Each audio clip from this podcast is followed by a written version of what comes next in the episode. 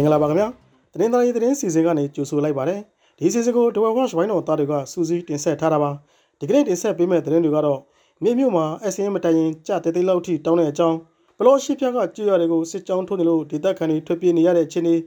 တဲချောင်းအောက်ပိုက်ကရွာတွေကိုလည်းစစ်ကောင်စီတပ်ကစစ်ကြောင်းထိုးနေတာဘန်ကောက်မြို့ပစ်ခတ်မှုမှာတင်ဆုံးသွားတဲ့မြန်မာမျိုးသမီးနင်းနာကြီးရမယ့်အကြောင်းလေးတောင်ကျပြန်တက်လာတဲ့ရွှေစည်းစတဲ့သတင်းတွေပဲဖြစ်ပါတယ်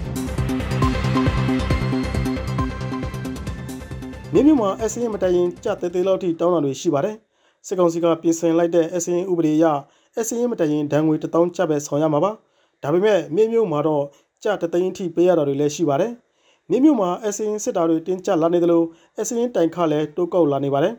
အရင်ကတပတ်ကို900တထောင်ပဲပေးရကနေအခုဆိုရင်3000ကျပ်ထိပေးရတယ်လို့ဆိုပါတယ်ဥပဒေမှာတော့အစင်းတိုင်ရင်ပတ်စံမပေးရဘူးလို့ဖော်ပြထားပါတယ် တိုက်ပွဲတွေကြောင့်အခြားမြို့တွေကစစ်ပေးရှောင်တွေဟာမြင်းမြို့ပေါ်မှာလာရောက်တိတ်ရှောင်နေတာကိုအခွင့်ကောင်းယူပြီးတရားမဝင်အစင်းကြီးတွေတောင်းနေတာဖြစ်ပါတယ်။ပြီးခဲ့တဲ့နေ့နောက်ကလည်းအလေးမြိုင်ရက်ကွက်ကအေဒီဆော်မှာအစင်းရမတိုင်လို့ဆိုပြီးတယောက်ကိုကြတသေးစီတောင်းသွားတယ်လို့ဆိုပါတယ်။ဘလော့ရှိပြကကြေးရွာတွေကိုစစ်ကြောင်းထုတ်နေလို့ဒေသခံတွေထွက်ပြေးနေကြရပါတယ်။ဘလော့ရှိပြရွာတွေဖြစ်တဲ့နန်းတော်ကျင်ကာမော်မီပင်နက်တောင်ပါဝင်အနီးနားကကြေးရွာရှိရွာကဒေသခံတွေထွက်ပြေးနေကြရတာပါ။ အော်တိုဘာလ၄ရက်ကတည်းကအဲ့ဒီရွာတွေဘက်ကိုစစ်ကောင်စီတပ်ကစစ်ကြောင်းနှစ်ကြောင်းခွဲပြီးစစ်ကြောင်းထိုးနေပါတယ်။မော်မီနဲ့ဂျင်ကားရွာဘက်မှာနှစ်ဖက်ထိတွေ့ဖက်ကမှုဖြစ်ပွားခဲ့တယ်လို့လက်နက်ကြီးနဲ့လည်းတနေကုန်ပစ်ခတ်နေတာလို့ဆိုပါတယ်။အခုစစ်ကြောင်းထိုးခံရတဲ့ရွာတွေဟာကရင်မျိုးသားစီယုံကရင်ယူတက်မာလေးရဲ့ထိချုပ်နေမြေထဲမှာပါ။အဲ့ဒီရွာတွေဟာနှစ်နဲ့ချီရိတ်ကဖျက်တောက်ခံရတဲ့ဒေသတွေလည်းဖြစ်ပါတယ်။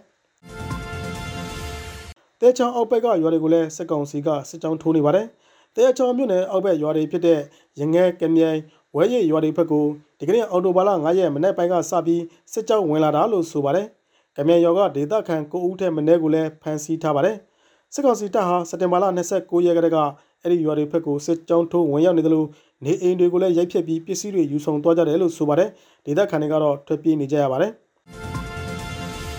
ဘန်ကောက်မြို့ပစ်ခတ်မှုမှာတင်ဆုံးသွားတဲ့မြန်မာမျိုးသမီးနဲ့ပတ်သက်ပြီးနောက်ဆုံးရအခြေအနေကိုပြောပြပေးပါမယ်။ ဘန်ကောက်မြို့ကဈေးဝယ်စင်တာတစ်ခုမှာအော်တိုဘာလ3ရက်ကတနက်ပစ်ခတ်မှုဖြစ်ပွားခဲ့ပါတယ်။အဲ့ဒီပစ်ခတ်မှုမှာတရုတ်မျိုးသမီးတဦးနဲ့မြန်မာမျိုးသမီးမမိုးမြင့်တို့တေဆုံခဲ့ပါတယ်။တေဆုံသွားတဲ့အသက်32နှစ်အရွယ်တထုံဇာတိမမိုးမြင့်အတွက်ထိုင်တရားရေးဝန်ကြီးဌာနကနေပြီးနင့်နာချေအနေနဲ့ဗတ်နှစ်သိန်းပေးမယ်လို့ဆိုပါတယ်။အခြားထိခိုက်ဒဏ်ရာရတဲ့သူတွေကိုလည်းတရားရေးဝန်ကြီးဌာနကစက်ကူတာဈေးတွေပေးမယ်လို့ထိုင်းသတင်းတွေမှာဖော်ပြထားပါတယ်။မြန်မာတန်ရုံဘက်ကတော့နင့်နာချေကိစ္စမသိရသေးဘူးလို့ဆိုပါတယ်။ တနတ်သမားကတော့အသက်14နှစ်အရွယ်လူငယ်တဦးဖြစ်ပြီးသူ့ကိုတော့လူတက်မှုတရားမဝင်လက်နက်ကိစ္စမှုစတဲ့အမှု၅မှုနဲ့တရားစွဲတင်ဖို့ရှိနေပါတယ်။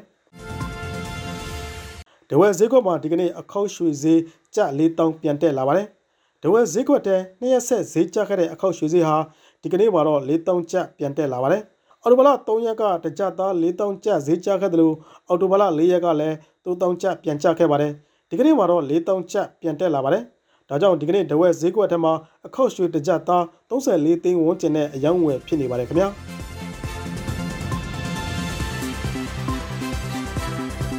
အခုလိုနားဆင်ပေးကြတဲ့အတွက်အထူးကျေးဇူးတင်ရှိပါတယ်မြန်မာနိုင်ငံသားများကပ်ပြီးအပေါင်းကနေအမြန်ဆုံးလွန်မြောက်နေပါစေလို့ဒဝက်ဝါရှ်ဝိုင်းတော်သားများကစုမုံကောင်းတောင်းအပ်ပါတယ်ခင်ဗျာ